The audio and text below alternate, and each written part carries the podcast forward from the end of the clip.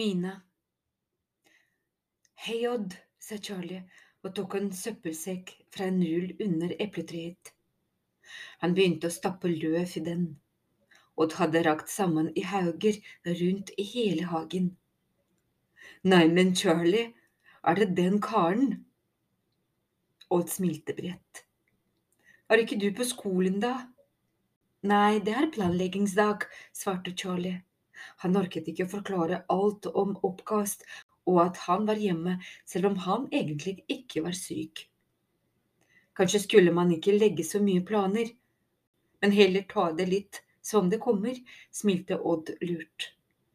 Han tok opp et løvblad fra bakken og ble stående og studere det, som om han leste en spennende bok. Hørte du fra Mine i det siste? spurte Charlie. Han prøvde å få det til å høres helt naturlig ut. Og drykket til da han hørte navnet hennes, men han fortsatte likevel å studere løvbladet. Ser du hvor vakkert det er, sa han bare. Det er perfekt. Overflaten er jevn og myk, og det lyser som om det skulle være av gull. Men se her, han holdt det opp mot lyset. Inni er det et nettverk av nervetråder og skjulte mønsteret. Han krøllet plutselig bladet sammen og dyttet det ned i plastsekken. Ranhild, ropte han. Hun åpnet vinduet til stua. La Thomas få en kanelbolle og litt saft. Stakkaren har planleggingsdag. Eh, Charlie, sa Charlie. Et øyeblikk så det ut som Odd ikke helt forsto hvor han var, men så var det som om han tok seg sammen. Det var jo det jeg sa, sa han og blunket. Idet Charlie skulle gå inn, fortsatte han. Du får se litt etter jenta mi når du sykler rundt, du, men pass deg for bikkja. Bikkja? spurte Charlie. Hvilken bikkje? Odd kom tett opp til ham og senket stemmen, som om han var redd for at noen skulle høre. Den som gikk sammen med Mina. Den med ett øye. Pass deg for den, Charlie. Charlie frøs på ryggen. Han tenkte på hundene fra fluplastrømmen. Odd hadde bøyd seg ned og begynte å stappe løvet til sekken. Bare gå inn, du, sa han. Jeg vil helst gjøre dette alene, jeg trenger noe å holde på med. Randhild hadde satt fram machetter til dem på salongbordet.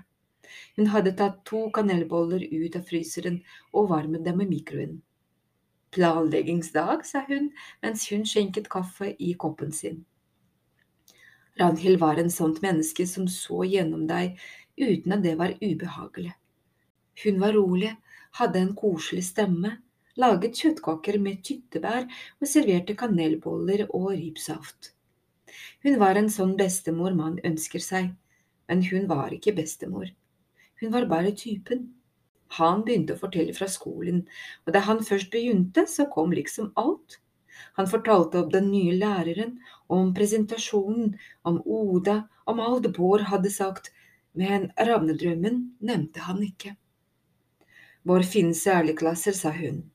I alle klasser finnes det en eller annen som vokser selv ved å trykke andre ned. Det er forresten sånn senere i livet òg. Voksne mennesker kan også være Bård. På jobben min var det minst to.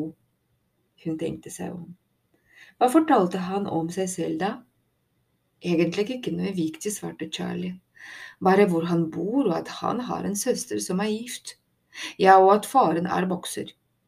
Det skulle liksom være hemmeligheten hans, men alle har hørt om det tusen ganger. Faren hans er i USA og trener til en stor kamp han skal ha om noen uker. Bård skal bli bokser, han òg, sier han, og det blir han sikkert. Han er veldig sterk.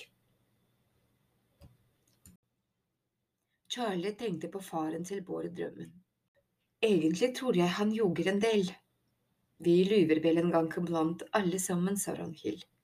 Alle har hemmeligheter. Hun reiste seg og tittet ut i hagen. Odd holdt fortsatt på med løvet der ute. Han glemte visst hva jeg het i stad, sa Charlie. Ragnhild lo ofte når Odd sa rare ting, men Charlie så jo hvor trist hun var.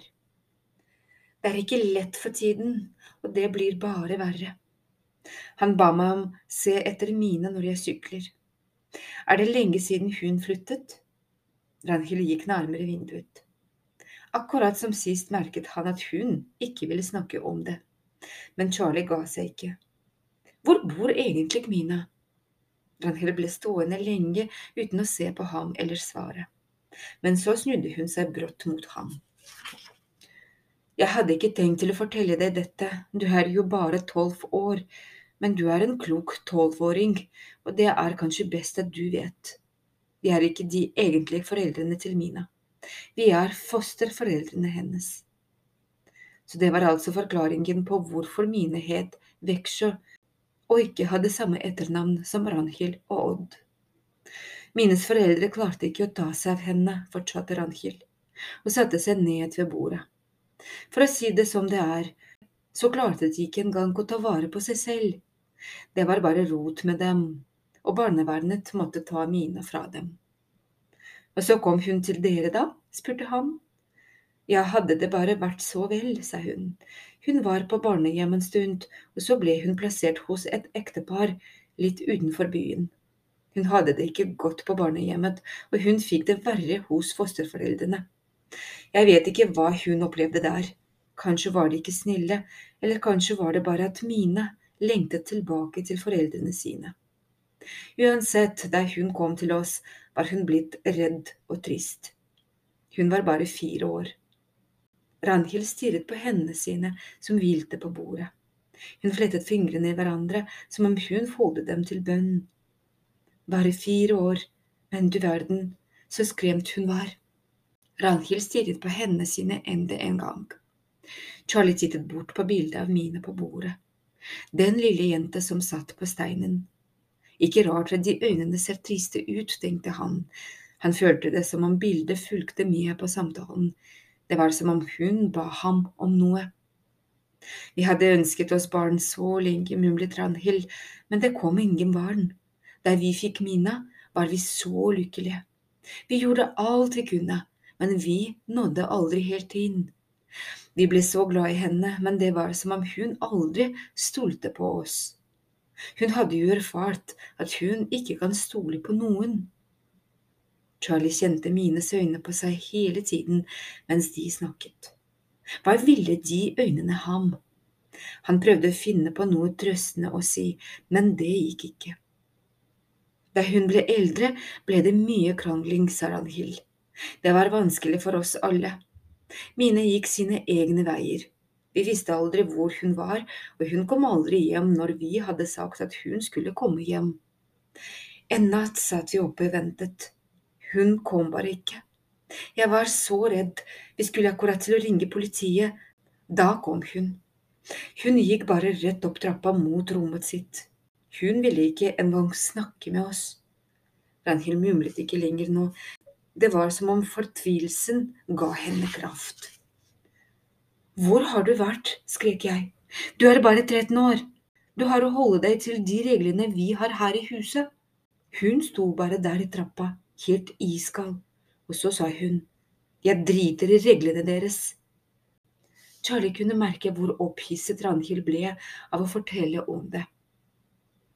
Den natta hadde Odd og jeg en skikkelig krangel. Jeg klarte ikke å styre meg.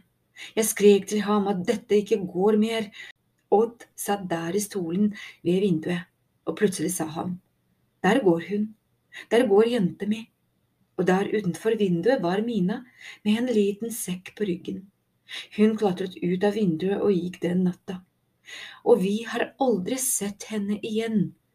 Det er to år siden, på lørdag. Men hvor er hun da? spurte Charlie. Jeg vet ikke. Jeg vet ikke engang om hun lever. Politiet har lett overalt, vi har lett, alle vi kjenner har lett, og hun er ettersøkt over hele Europa, men vi har ikke hørt et ord. Charlie visste at hun nå burde si noe sånt som Nei, så grusomt, stakkars deg, hun kommer nok en dag, men sånn ble det ikke. Charlie tenkte på mamma, hun som hadde sviktet ham. Han så for seg hvordan Mina måtte ha hatt det på rommet sitt mens hun hørte Randhild og Odd krangle, og kjente at han ble sint. Så istedenfor å trøste reiste han seg opp og ropte. Hvordan kunne du gjøre det? Voksne lager alltid regler, men det er bare regler for at alt skal være fint for dere. Dere tenker bare på hvordan dere har det selv. Du er akkurat som mamma. Charlie kjente at tårene presset på, men han skulle søren ikke gråte nå. Han gikk mot gangen for å ta jakka si, men Ranhild sperret veien for ham og skrek tilbake. Du får ikke gå! Nå har jeg akkurat fortalt deg det vondeste jeg vet, og nå er det din tur å fortelle. Du sier at jeg er akkurat som moren din. Vel, nå begynner du å bli akkurat som Mina, bare går når ting blir vanskelig. Ranhild tok tak i ham og holdt ham fast. Du sier at jeg aldri snakket om Mina. Men du snakker aldri om moren din heller. Nå forteller du det. Det sier jeg deg. Fortell meg hva som skjedde med henne. Charlie kjempet mot gråten. Ranhild skulle ikke få se han gråte. Han rev seg løs fra grepet hennes og stirret henne hardt inn i øynene mens han ropte. Mamma stakk av med en dust på jobben. Etter at han dykket opp, var hun aldri hjemme. Hun tenkte ikke på oss i det hele tatt. Jeg hater henne.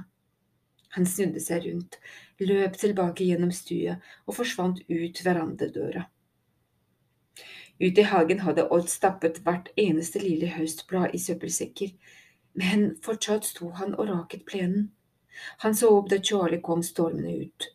Jaså, du er sendt ute til håndballen? Nei, Odd, ropte Charlie idet han løp forbi. Jeg hater håndball. Jeg får det ikke til. Jeg får ikke til noen ting. Hører du, Odd? Jeg får ikke til noen ting.